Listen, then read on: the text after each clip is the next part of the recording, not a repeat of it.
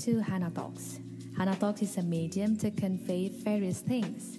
We work through light discussion with various figures and work with you to explore the extraordinary that you never imagined.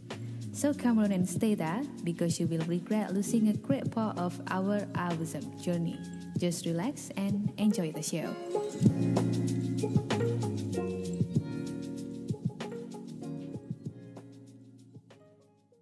Halo semuanya, balik lagi bersama saya Dinar Hana di Hana Talks.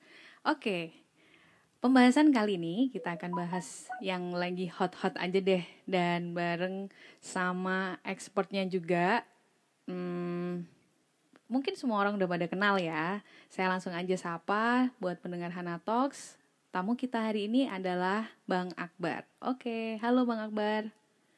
Halo. Apa kabar nih? Baik, baik. Belum kenal kali. Ya. Iya, iya, iya. Itu actingnya gitu. Nanti aku suruh kenalan lagi. Sabar. Oh gitu. Ya, ya, ya, ya. Oke, boleh Mas Akbar kenalan dulu deh sama teman-teman pendengar Hana Talks. Halo teman-teman pendengar. Saya Aidil Akbar Majid, rencana keuangan. Senior Financial Advisor. Dah, cukup Mhm. gitu. Oke. Wow, ini ya udah uh, apa namanya panjang lebar banget ini penjelasannya siapa Bang Akbar. Jadi semua udah pada kenal ya pastinya. Itu tugas kamu untuk Oke. mengenalkan dong. Masa aku kenal diri sendiri. Financial senior diajarin dong sama seniornya. Oke, Bang Akbar ini adalah financial consultant yang udah eh, mempunyai prestasi, kemudian pengalamannya luar biasa. Eh, dan kenapa Mas Akbar atau Bang Akbar yang hari ini datang bareng kita? Soalnya kita mau bahas hal-hal yang lagi hot hari ini dan lebih eh, memberikan insight-insight soal investasi. Oke, nah sebelum masuk ke investasinya nih, atau hal-hal yang terkait keuangan, ada satu yang mau saya tanyakan di awal nih Bang. Menurut Bang Hmm, hmm. Akbar, apa set- apakah setiap orang memerlukan financial literacy dan apa urgensinya memiliki hal tersebut? Oh iya, em, di zaman sekarang sih eh, setiap orang akan butuh ya financial literasi, belajar keuangan. Hmm, karena kan kondisi udah beda dengan kondisi orang tua kita beda dengan Mm-mm. kondisi kakek nenek kita dulu beda gitu ya Um, kalau dulu kan uh, surviving mode kemudian kalau mungkin orang pernah dengar zaman orang mungkin kalau anak sekarang belajar dari buku sejarah ya zaman orde lama orde baru gitu. Itu kan semuanya uh, pretty much provided by government jadi semuanya lebih teratur lebih rapi gitu ya. Istilahnya kalau kita ngobrol sama orang-orang tua kita sama kakek nenek kita zaman dulu tuh enak semuanya serba murah gitu Hmm. kan mau beli ayam murah mau makan gampang gitu ya. Jadi tiap zaman tuh kan pasti ada ada kelebihan dan ada kelemahan. Nah eh, pasca reformasi eh, Indonesia sudah memasuki yang disebut dengan free market. Jadi semuanya ditentukan oleh pasar gitu ya. Jadi ini benar-benar liberal sekali dibandingin negara-negara. Bahkan dibandingin negara maju sekalipun hmm, uh, Indonesia jauh lebih liberal dari sisi uh, pasar gitu ya. Nah, Oke. Jadi ini yang kemudian membuat um, kita harus bisa merencanakan keuangan dengan baik dan benar. Karena kalau kita ngelihat dari zaman dahulu, zaman dulu kan semua murah ya. hmm, Um, orang tua kita nggak punya tuh yang namanya dana pensiun. Ya dana Hmm. pensiun mungkin dari kalau yang PNS gitu ya atau ASN dari negara. Kalau yang Hmm. kerja di BUMN ya udah dari BUMN. Tapi hmm, eh, yang lain nggak punya dana pensiun. Itu pun juga eh, dana pensiun yang didapatkan nggak terlalu besar, tapi cukup eh, untuk biaya hidup waktu itu. Nah kalau zaman sekarang udah nggak bisa, gitu ya. Sekarang Hmm. kita benar-benar dilepas dengan mekanisme pasar. Eh, lo urus diri lo sendiri deh, Hmm. gitu ya. Lo urus diri lo sendiri. Nah eh, negara nggak hadir di situ, jadi akhirnya eh, kita harus bisa mengolah uang kita yang sedikit itu gitu gimana caranya supaya bisa merencanakan keuangan dengan baik dan bisa mencapai masa depan yang kita inginkan kurang lebih sih kayak gitu ya Oke, nah terkait tema hari ini yaitu be careful of investment, lots of traps. Oke, nah menurut Mas Akbar Hmm. wajib nggak sih setiap orang untuk memulai investasi keuangan? Ya, um, gini, investasi itu satu titik ya. Mm-hmm. Uh, kita mulai dari perencanaan dulu. Tuh. Jadi um, banyak orang-orang anak muda sekarang ini kan pada nggak sabaran, pengen buru-buru investasi, mm-hmm. gitu ya. Uh, milenials itu kan terkenal dengan pengen semuanya serba instan, nggak sabar, nggak mm. mau melalui proses, mm-hmm. pengen kaya mendadak, gitu ya.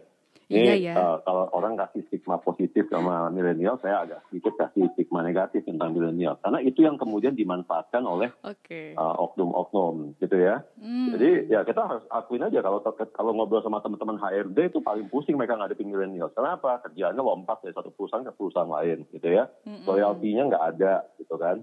Terus pengen instan, pengen cepat, gitu ya. Nah, instan dan cepat ini yang kemudian sering kali dimanfaatkan oleh banyak orang gitu. So hmm. jadi uh, kita harus uh, ada prosesnya. Jadi sebelum lari ke investment ke, ke investasi kita harus buat dulu perencanaan. Perencanaan itu tahapannya ada banyak sekali. Produk juga nggak langsung serta merta langsung masuk ke saham gitu ya. Hmm. Produk itu ada dari mulai yang konservatif, ada mulai pakai produk yang biasa tabungan deposito, ada yang namanya emas, ada hmm. yang namanya um, apa namanya uh, reksadana, reksadana pun ada ada beberapa tahapannya, ada pasar uang, ada hmm. pendapatan tetap, ada campuran, ada saham.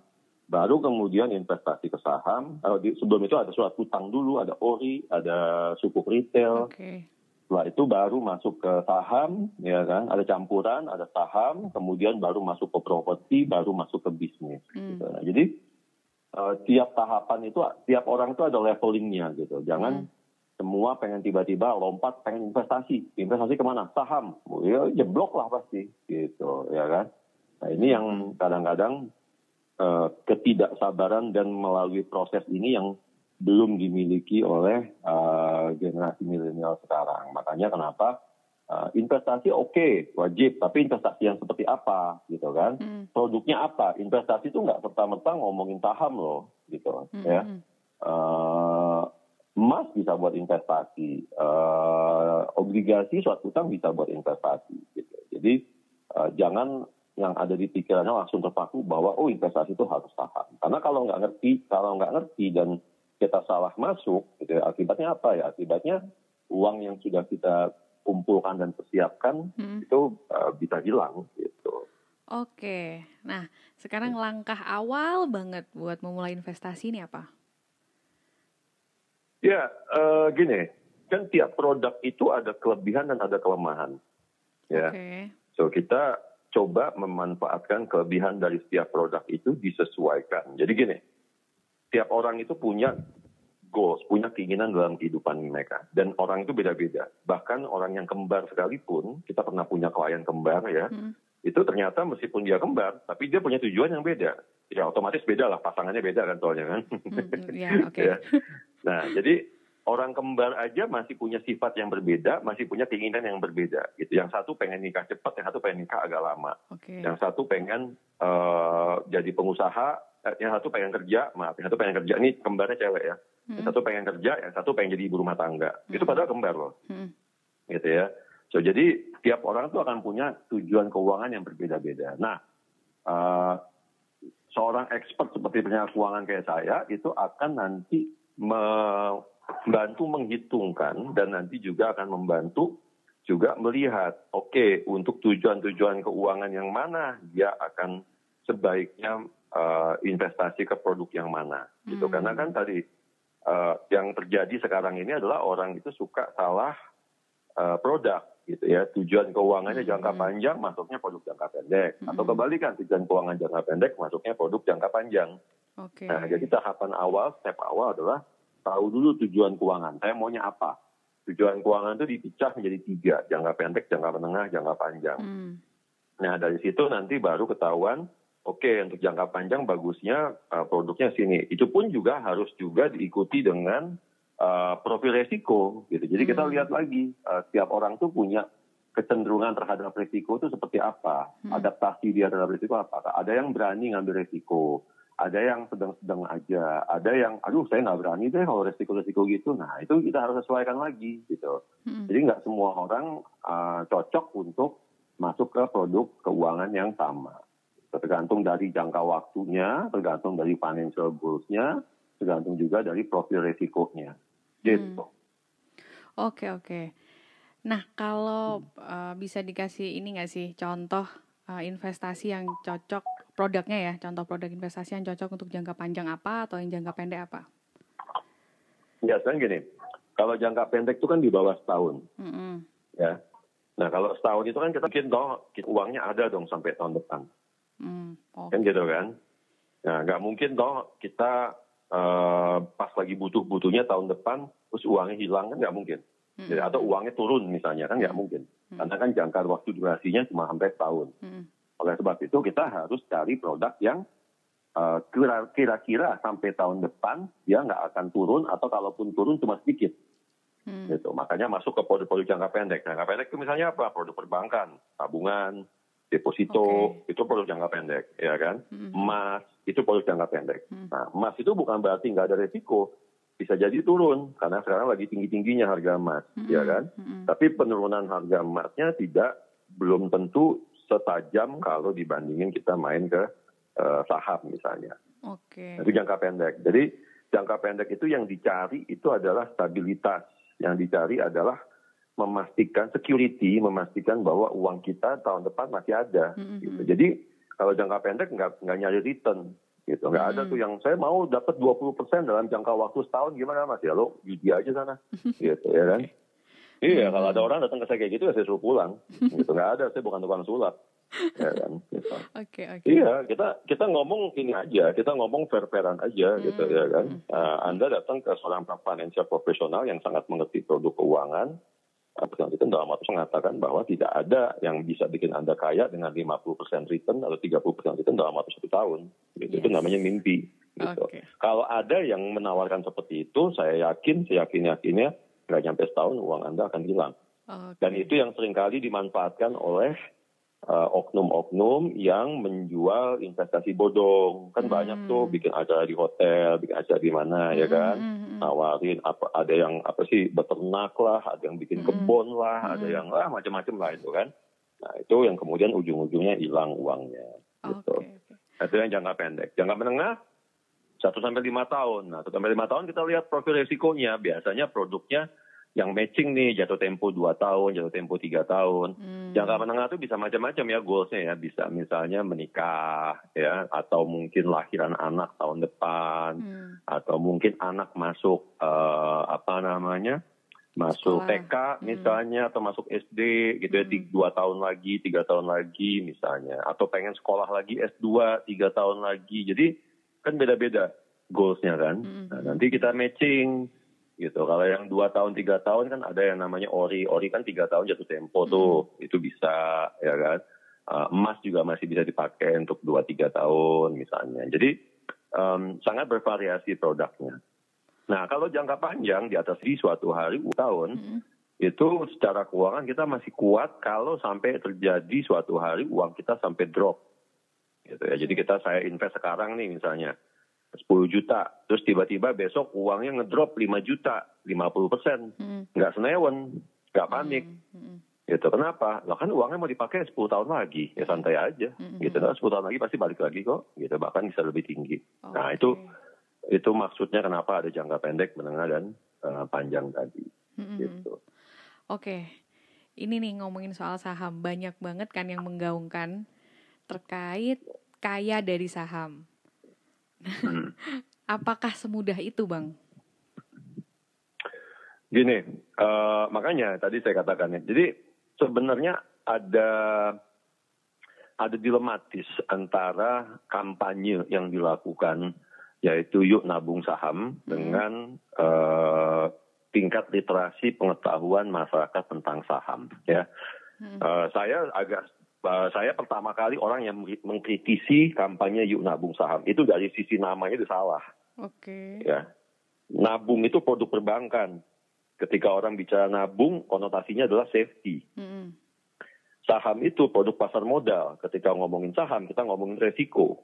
Hmm. Jadi ini suatu dua kata, dua suku kata yang digabung jadi satu yang bertolak belakang. Satu nabung safety, hmm. yang satu resiko. Gimana coba justifikasinya? Hmm, ya, jadi waktu kampanye ini diluncurkan saya langsung nulis di media saya. Saya kebetulan punya uh, punya kolom di detik.com ya, di, terus kemudian juga hmm. di website saya adalah barmajid.com. Saya yang pertama kali teriak-teriak ini siapa sih yang bikin kampanyenya gitu kan? Karena kontradiktif dan itu yang kemudian membuat uh, di satu sisi memang iya, di satu sisi uh, generasi milenial sekarang menggebu-gebu untuk uh, taruh uang di saham. Saya bicara kata-kata taruh uang di saham ya, hmm. karena di saham itu bisa dua pendekatan sebagai investor atau sebagai trader. Ini okay. aja banyak milenial yang nggak paham, hmm. gitu. Anda mau jadi apa posisinya? Mau jadi investor atau mau jadi trader? Traders hmm. pun ada lagi dengan posisi yang beda. Ada day trader, ada swing trader, hmm. ya. Anda mau jadi posisi yang mana? Nah, yang hal-hal yang kayak gini kan uh, nggak nggak dipelajarin, nggak dikasih tahu, nggak hmm. nyampe ke masyarakat. Taunya hmm. langsung, oke okay, kalau mau kaya investasi saham, hmm. gitu, ya kan? Hmm. Padahal belum tentu juga. Oke okay, kalau mau aman investasi saham blue chip. Kata siapa blue chip aman? Belum tentu juga. Kondisi kayak sekarang nih, kondisi pandemi, kondisi ekonomi lagi jelek, kondisi masuk resesi, banyak blue chips yang tumbang. Padahal blue chip sahamnya gitu ya kan so jadi tidak serta merta investasi di saham itu uh, bisa membuat kita kaya mendadak gitu ya. So jadi dibutuhkan tadi analisa dibutuhkan pengetahuan hmm. dibutuhkan kecerdasan untuk memilih yang itu harus dilakukan bertahap gitu. Nggak bisa langsung serta merta masuk gitu. Hmm oke okay, oke. Okay. Uh, bahas yang tadi nih ya perbedaan dasar trader sama investor. Mungkin bisa dijelasin nggak bang? Oke, kalau trader itu, kalau gini, um, karena punya coffee shop kan? Yes. Nah, kamu taruh uang di situ kan? Mm -mm. Berapa lama kira-kira balik modalnya? Lima, lima tahun. Hitung-hitungannya. Lima, lima tahun. tahun. Mm -mm. Oke. Okay. So kamu jualan kopi cangkir per cangkir, mm -mm. ya kan? Mm -mm jualan biji kopi, ya kan, mengharapkan lima tahun balik modal, hmm. balik modal. Hmm. Itu namanya investor. Oke. Okay. Oke. Okay? Terus ada orang datang ke coffee shop kamu, terus bilang gini, Bahana, aku mau dong beli kopi bean kamu, aku jual lagi pakai namaku merekku sendiri, boleh nggak? Boleh. Boleh. Itu namanya trader, okay. pedagang. Okay. Ya, jadi trader itu mencari keuntungan dalam jangka pendek. Hmm. Ya, dia nggak peduli coffee shopnya jalan apa nggak jalan, pokoknya uh, begitu dia beli harga dari kamu beli kop, uh, biji kopi misalnya hmm. kalau kamu jual biji kopi seperempat kilo misalnya 125 ribu sampai 150 misalnya hmm. Hmm. kalau beli pakai uh, reseller kasih dapat diskon 15 persen kamu jual 110 ke dia supaya hmm. dia bisa jual 135 hmm. jadi dia dapat margin 25 perak misalnya gitu hmm. nah itu posisinya adalah yang satu trader pedagang hmm. gitu kalau investor, kamu nggak mikirin um, profit jangka pendek, kamu mikirnya adalah bagaimana supaya balik modal, bagaimana supaya bisnisnya sustain, bagaimana supaya yang jualannya laku dan lain sebagainya. Kamu mengharapkan okay. dividen dari usaha hmm. kamu, hmm. ya kan? Okay. Gitu. Nah itu uh, itu itu tidak 100% menggambarkan, tapi paling tidak bisa membedakan lah orang. Hmm. Jadi kalau trader itu pedagang, hmm. kalau investor itu memang invest buat jangka panjang. Investor itu businessman. Oke. Okay. Jadi saham itu di trade-nya beda. Anda mau jadi pedagang atau mau jadi bisnismen, pengusaha gitu. Mm-hmm. Ya, nanti cara pola membacanya beda, cara baca chartnya beda, fundamental analisisnya beda, technical analisisnya beda, mm. saham masuk saham keluarnya beda. Itu akan sangat membedakan. Jadi satu kategori saham aja itu bisa bisa sangat detail gitu mm. ininya belajarnya kita fokus di trading aja trading itu macam-macam strateginya nanti gitu ya ada yang ada yang fundamentalis ada yang teknikalis gitu ya hmm. teknikalnya sih macam-macam tadi kan ada saya bilang kan tradingnya ada yang swing trading ada yang day trader macam-macam hmm. gitu jadi nanti sangat ditentukan dari uh, kita mau ngambil posisi seperti apa gitu. oke okay. ya. nah buat kita kita yang masih awam nih terkait financial literacy ya yang mm-hmm. dasar aja belum paham. Nah, apalagi soal investasi. Pastinya uh, teman-teman di sini yang masih baru dan pengen invest kan membutuhkan financial advisor. Nah, idealnya mm. apa yang bisa kita lakukan nih biar bisa kita, kita bisa tracing dan biar nggak kena financial advisor abal-abal? Ya, gini. Um, financial advisor ini kan udah lama ya. Saya mm. uh, saya salah satu dari sedikit mungkin yang bisa dikatakan yang pertama kali ya bawa bawa ilmu dan sekolah pendidikan ini dari Amerika ke Indonesia. Saya jadi financial advisor itu dari tahun 95. Oke. Ya, saya mulai tahun 94 sebagai junior, tapi kemudian mulai seriusin tahun 95, saya trading saham 95, gitu ya. Ketika itu orang Indonesia nggak ada yang ngerti financial advisor. Mhm. 90 97 saya udah jadi senior advisor, saya udah punya punya uh, apa namanya orang-orang yang kerja di bawah saya. Kalau pengen lihat pekerjaan saya seperti apa tahun antara tahun 95 sampai tahun 2000, nonton aja film namanya Wolf of Wall Street ya, Oke. ada Jordan Belfort. Nah, itu kurang lebih itu apa yang saya kerjakan antara tahun 95 sampai 97 which is itu sebenarnya kurang lebih tahun yang sama dia beraksi waktu itu kalau Hmm. kalau Jordan Belfort tahun dua eh, tahun 92 kalau nggak salah mulainya 92 sampai tahun 97 98 kalau salah ya nah kurang lebih hampir sama ya tapi nggak se wild itu ya nah Mhm. dari financial advisor atau financial planner yang satu eh, punya jam terbang ya jadi Hmm. Um, saya bawa ilmu ini pulang ke Indonesia, otomatis mengajarkan ke banyak murid-murid. Tapi murid-murid yang namanya ma- murid ya, Hmm. ada yang pinter, ada yang pendiam, ada yang nggak pinter-pinter amat tapi jago ngomong, Oke. gitu ya.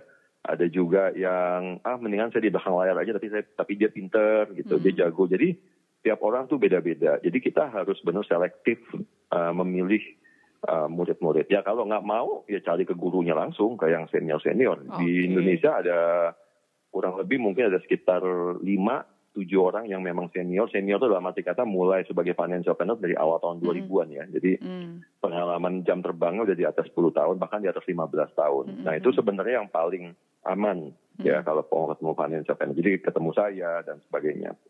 Nah kalau misalnya, waduh ketemu Mas Akbar mungkin bayarnya mahal. Oke cari junior deh, cari yang junior. tapi juniornya junior yang mana nih? Saya bilang tadi kan.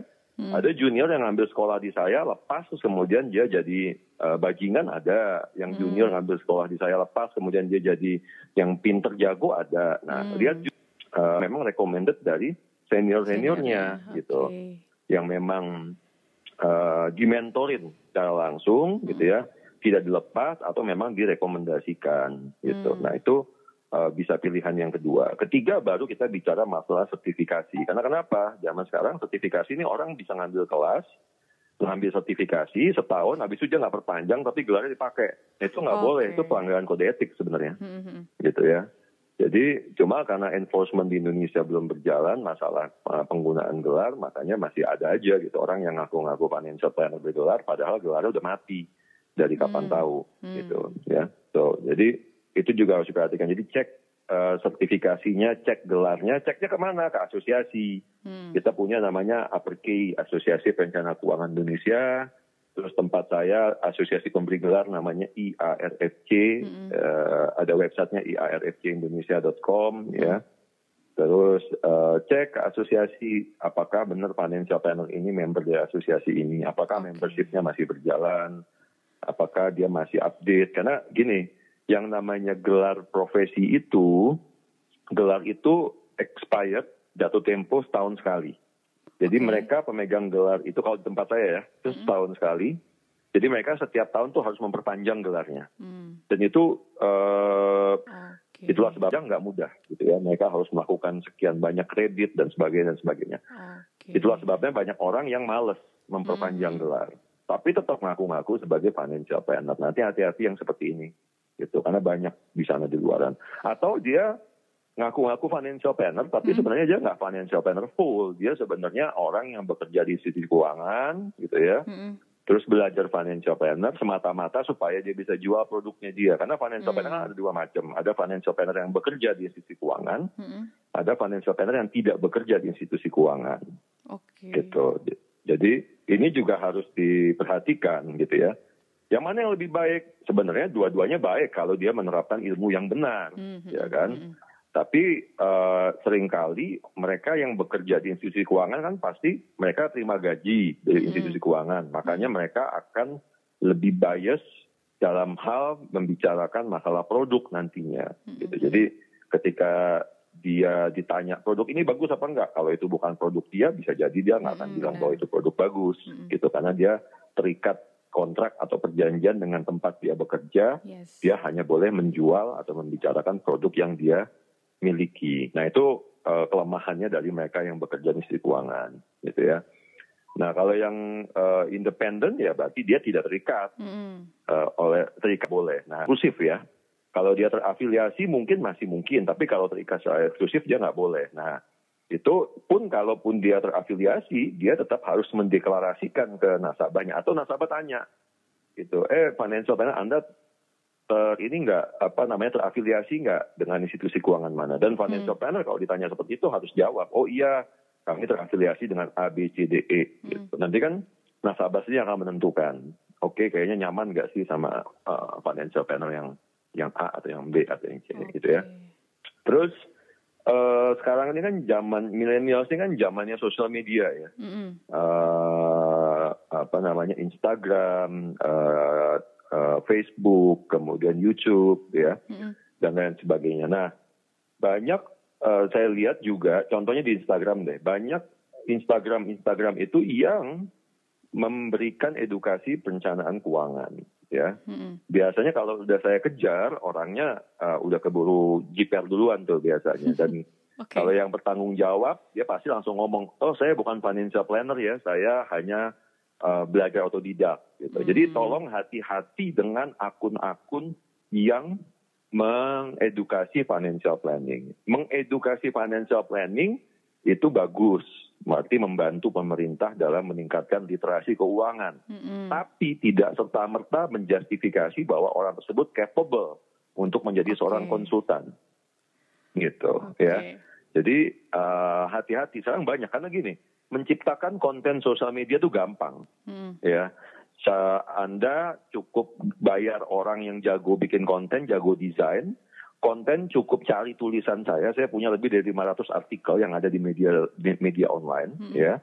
Kamu juga bisa gitu. Uh, nah, jadi hmm. suruh aja orang kreatif kamu cari konten, tulis deh uh, apa namanya uh, dinar keuangan gitu okay. ya kan atau dinar consulting gitu tulis materinya ngambil dari tempat saya dibikinin konten hmm. dibikin gambar menarik orang hmm. semua berpikir silau berpikir bahwa kamu jago tentang financial planning itu banyak okay. kontennya banyak gitu ya jadi hati-hati uh, gitu nah karena kenapa saya lihat sekali sekarang banyak sekali konten-konten mengedukasi hmm. di satu sisi kita senang karena itu mengedukasi masyarakat tapi di sisi lain uh, agak sedikit khawatir juga karena followernya mereka banyak ya. Ada yang 30 ribu, ada yang 50 ribu, hmm. ada yang 100 ribu.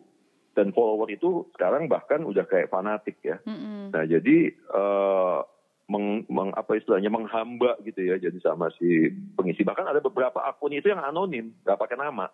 Nah itu juga lebih parah lagi. Ya jadi hati-hati gitu ya. Jadi hmm. kalau yang pakai nama langsung masih bisa dipertanggungjawabkan karena orangnya langsung ketahuan jelas. Aidil Akbar hmm. Majid, oh iya itu meskipun kadang-kadang yang ngisi mungkin admin saya gitu kan. Hmm. Tapi kan ada namanya. Tapi kalau namanya anonim gitu misalnya dan itu bukan nama perusahaannya dia, bukan nama firmanya dia hmm. gitu kan. Itu lebih lebih mengkhawatirkan lebih lagi. Nah, itu ya. tolong hati-hati. Okay. Boleh ngambil materinya, boleh belajar dari situ nggak masalah, tapi belum tentu orang yang mempunyai akun tersebut adalah seorang yang capable. mempunyai sertifikasi dan hmm. capable dalam melakukan financial plan. Gitu. Oke. Okay. Ya. Jadi, Jadi intinya sih cross check, cross check hmm. sama asosiasi sih. Siap, siap, siap. Nah, ini kan ada yang lagi happening banget nih ya di Indonesia sekarang nih, Bang. Uh, persis banget sama yang ceritain Bang Akbar. Jadi uh, dia mengedukasi di sosial media, kemudian followernya banyak, dan ternyata banyak juga yang sekarang kecewa ya kan. Hmm. Jadi mungkin bisa kita hmm. bilang yang tenar belum tentu benar gitu ya. Hmm. Oke, nah sekarang ini yang kita pengen tahu pembelajaran dari kejadian yang sudah terjadi kemarin ya buat teman-teman milenial mungkin yang sudah yang sedang belajar berinvestasi dan kecewa mungkin harus tahu apa sih sebenarnya batas antara financial planner dan seorang manajer investasi. Ya, jadi gini, uh, yang namanya financial planner itu merencanakan, mm-hmm. membuat perencanaan, menghitung dan sebagainya, ya. Jadi financial planner itu tidak mengelola dana. Oke. Okay. Ya, dia tidak boleh mengelola dana, dia tidak boleh menerima dana, ya, dia tidak boleh, uh, dia tidak melakukan trading dana. Oke. Okay. Ya. Uh, kenapa? Karena untuk mereka yang mengelola dana dan trading dana itu berada di bawah undang-undang pasar modal. Jadi harus hmm. punya izin lagi. Hmm. Izinnya khusus, namanya wakil manajer investasi, hmm. wakil perantara pedagang efek dan hmm. seterusnya dan seterusnya. Ya, pun bisa jadi juga ada financial planner meskipun nggak ada ya, mungkin ada satu dua orang di Indonesia yang punya sertifikasi itu ya. Tapi dia biasanya akan harus memilih dia mau jadi trader atau jadi financial planner hmm. ya. Dan biasanya mereka akan memilih jadi trader tidak jadi financial planner. Karena kalau financial planner itu lama ngurusinnya panjang jangka panjang. Kalau hmm. trader kan cepat masukin duit sekarang besok udah dapat duit gitu okay. ya. Saya mungkin salah satu atau bahkan mungkin satu-satunya di Indonesia yang punya izin paling lengkap. Saya punya WAPER wakil agen penjual efek reksadana saya punya WMI wakil manajer investasi dan saya punya WPPE wakil perantara pedagang efek okay. tapi saya tidak mengeksekusi uh, perizinan tersebut untuk mengelola uang nasabah karena saya berdiri di kaki sebagai financial planner. Mm, okay. Jadi saya harus memilih ketika saya mau mengelola dana, saya harus lepas posisi financial planner mm. saya. Saya kelola dana, mm-hmm. itu, ya kan. Mm. Jadi uh, tadi ya masih mesti diingat bahwa financial planner tidak mengolah dana, financial planner tidak mentradingkan dana. Trading dana itu harus lewat sekuritas gitu. Mm-hmm. Dan yang punya akses untuk mengeksekusi dana tersebut adalah nasabah atau brokernya. Hmm. Financial planner di sini sifatnya hanya memberikan nasihat saja, memberikan hmm. arahan. Hmm. Tapi uh, keputusan untuk membeli dan menjual itu ada di tangan nasabah di tangan klien, bukan di tangan financial planner. Gitu. Kurang lebih financial planner itu uh, hampir sama lah kalau dengan profesi dokter, ya. Okay. Uh, apa namanya?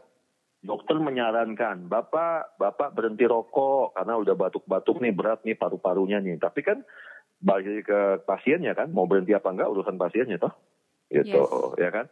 Bahkan dokter ketika mau melakukan suatu tindakan, tindakan ya, misalnya di rumah sakit nih harus operasi, harus dibius, harus disuntik, harus diapa, dijahit, itu setiap tindakan yang mau dilakukan oleh dokter harus atas persetujuan pasien, pasien. Hmm. ya kan? Sehingga kalau terjadi apa-apa pasien paham resikonya loh, hmm. gitu. Nah itu kurang lebih hampir sama dengan financial, eh bukan planner, hampir sama dengan si uh, trader tadi, gitu loh ya. Hmm. Nah, financial planner tidak dalam kapasitas untuk melakukan itu. Itu bukan tupoksinya seorang financial planner. Oke. Okay. Gitu.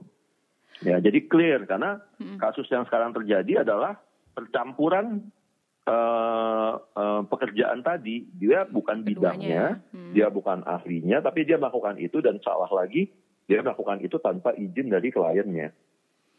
Oke. Okay. Hmm, hmm. Gitu, kalau kalau dari sudut pandang Bang Akbar sendiri kasus yang kemarin mm -hmm. ini mungkin di luar sana masih banyak yang uh, kurang paham sih ya. Jadi uh, mm -hmm. teman-teman milenial nih yang sudah naw, uh, niat gitu ya nawa itu saya mau mulai investasi dengar berita yang seperti kemarin mungkin mereka mundur. Nah ini kalau mm. dari sudut pandang Mas Akbar uh, detailnya itu seperti apa dan sebenarnya itu bisa dihindari dengan cara yang sudah dimention tadi sama Mas Akbar gitu. Hmm. Ya, balik lagi tadi, pilihlah perencana keuangan yang uh, uh, punya jam terbang. Jadi gitu dia ya. double agent gitu ya? Kenapa? Double agent gitu kayaknya ya. Jadi du dua ngerangkap gitu kan, yang seharusnya tidak boleh. Iya, financial. Yang terjadi kemarin itu adalah mereka mengaku financial planner, tapi kemudian mereka mentradingkan uang nasabah pakai -hmm. license-nya orang lain. Itu sih sebenarnya gray area, ya. Okay. Tapi kemudian yang menjadi permasalahan adalah ketika melakukan trading itu gray area nanti uh, tugasnya dari satgas waspada investasi yang akan hmm. menentukan itu salah atau benar hmm. ya karena itu dia bermain di area yang abu-abu banget gitu ya. Hmm. Tapi yang sudah pasti salah uh, salah adalah mereka melakukan transaksi tersebut tanpa ada izin atau pemberitahuan dari nasabah, nasabah pemilik ya. rekening. Hmm. Okay, okay. Itu udah pasti salah itu mau di apa mau di, mau dibolak-balik kayak apa pun itu udah pasti salah. Okay. gitu ya. Hmm. uh, jadi itu udah pelanggaran pelanggaran undang-undang pasar modal. Nah fakta yang mengatakan bahwa dia ngakunya A kemudian melakukan B itu juga salah. Berarti kenanya pidana gitu kan harusnya. Ya kita nanti lihat lagi proses hukumnya seperti apa nih. Apakah kena pidana itu masuk ke masuk pasal 372 penipuan. Hmm. 372 378 hmm. ya kan? So jadi uh, ketika ngakunya A mengerjakannya B berarti kan udah nggak konsisten hmm. ya nah jadi kecuali memang dijelaskan ya oke kami bekerja sama dengan perusahaan ini hmm. uang Anda akan dikerja sabah loh. Nah, ya kami uh, hanya memberikan nasihat, tapi keputusan tetap di nasabah loh, hmm. seperti hmm. Anda loh, Anda mau beli apa enggak. Nah, kalau seperti itu, itu masih masuk ke uh, area yang masih bisa dipertanggungjawabkan, gitu ya. Jadi balik hmm. lagi, gitu. Ketika kita mau, kalau misalnya gini, saya pengen ini dong, pengen belajar saham, mau trading, ya udah langsung aja ke broker, ngapain ke financial planner, hmm. okay. gitu, ya kan? kan mau main saham hmm. gitu ya. Tapi kalau financial planner bicaranya Anda mau dibuat rencana seperti apa, Anda mau tuju punya tujuan keuangan seperti apa gitu. Itu direncanakan dulu gitu. Hmm. Nah, apakah nanti ujungnya mungkin ada investasi ke saham bisa jadi, tapi kita okay. lihat lagi perlu nggak dia masuk ke saham untuk ngambil resiko yang lebih tinggi lagi. Hmm. Kalau tanpa harus masuk ke saham dia bisa mencapai tujuan keuangannya, kenapa harus masuk ke saham? kan gitu. Mm-hmm, okay. Sekarang ini kan uh, euforianya kan kalau main saham keren gitu kan, yes. gitu ya. Nah tapi tapi orang kan ngomonginnya yang bagus-bagus ya nggak ngomongin resikonya kan, gitu ya. Nah kemudian perkara di belakangnya ada lagi permainan-permainan itu uh, mungkin tidak kita bahas ya karena memang itu uh, apa ya butuh butuh keahlian untuk memahami lah karena itu banyak sekali pelanggaran-pelanggaran yang dilakukan uh, aparatnya mereka sendiri sebenarnya dan itu yang hmm. sekarang menjadi ranahnya uh, aparat hukum ya dan uh, eh, OJK untuk melakukan investigasi. Kami tahu apa yang dilakukan dan kami hmm. memberikan masukan-masukan kepada uh, aparat penegak hukum hmm. untuk um, melakukan investigasi ke mana titik-titik mana yang harus dilakukan investigasinya gitu. Hmm. Wow, oke. Okay. Oke, jadi buat pendengar Hanatox di luar sana, jadi nggak perlu uh, takut untuk uh, melangkah ke depan dengan investasi atau melakukan uh, perencanaan keuangan dengan financial advisor. Tipsnya udah disebutin semuanya tadi. Langsung aja ke seniornya kalau nggak mau uh, ragu ya, langsung aja ke Aidil yeah, Akbar yeah. Majid. Ini senior saya banget, banget senior jauh banget ya bang ya. Waduh, duh, duh, duh, duh, duh. Bukannya kita beda 11 dua, berarti cuma beda 2 tahun kan, 3 tahun ya? Iya, iya, iya. Ya. Kalau senior yang bilang, oke, okay, 2 tahun, 2 tahun aja bang. Mm -mm. 2 tahunnya jangan jauh-jauh. Oke, Bang Akbar, terima kasih banyak. Mm -mm. Insight-nya ini luar biasa yeah. banget dan pasti bermanfaat buat teman-teman di sana pendengar Hana Talks. Dan mm -mm. kalau kalau mm -hmm. mau ini bisa apa namanya follow di Instagram saya ya @aidilakbarmajid. Oke. Okay. Itu uh, atau juga di at Aidil Akbar. Oh, ada dua Instagram, at Aidil Akbar Majid sama at Aidil Akbar Official. Mm-hmm. Itu biasanya kita suka ada diskusi, tanya jawab di situ, terus saya juga suka kasih. Tapi jangan expect Instagram saya kayak Instagram milenial ya, yang gambarnya bagus-bagus, ngomongnya ngomongnya yeah. gue banget enggak. Instagram saya yeah apa adanya saya nggak bisa nggak bisa gambar soalnya. Dan saya Instagram nggak pakai admin. Kenapa? Okay. karena saya nggak mau adminnya salah posting. Hmm, jadi semua umur semua yang ada di ya. Instagram saya posting sendiri. Okay. literally posting sendiri. Jadi mohon maaf kalau gambarnya kurang milenial dan kurang menarik. Tapi yang penting kan justru materi isinya kan bukan gambarnya kan. Yeah, yeah, orang jangan terbuai jangan terbuai dengan gambarnya. Terus hmm. kalau yang penjelasan lebih kan kadang-kadang gini kalau pakai postingan Instagram tuh penjelasannya kurang kurang panjang lebar ya. Hmm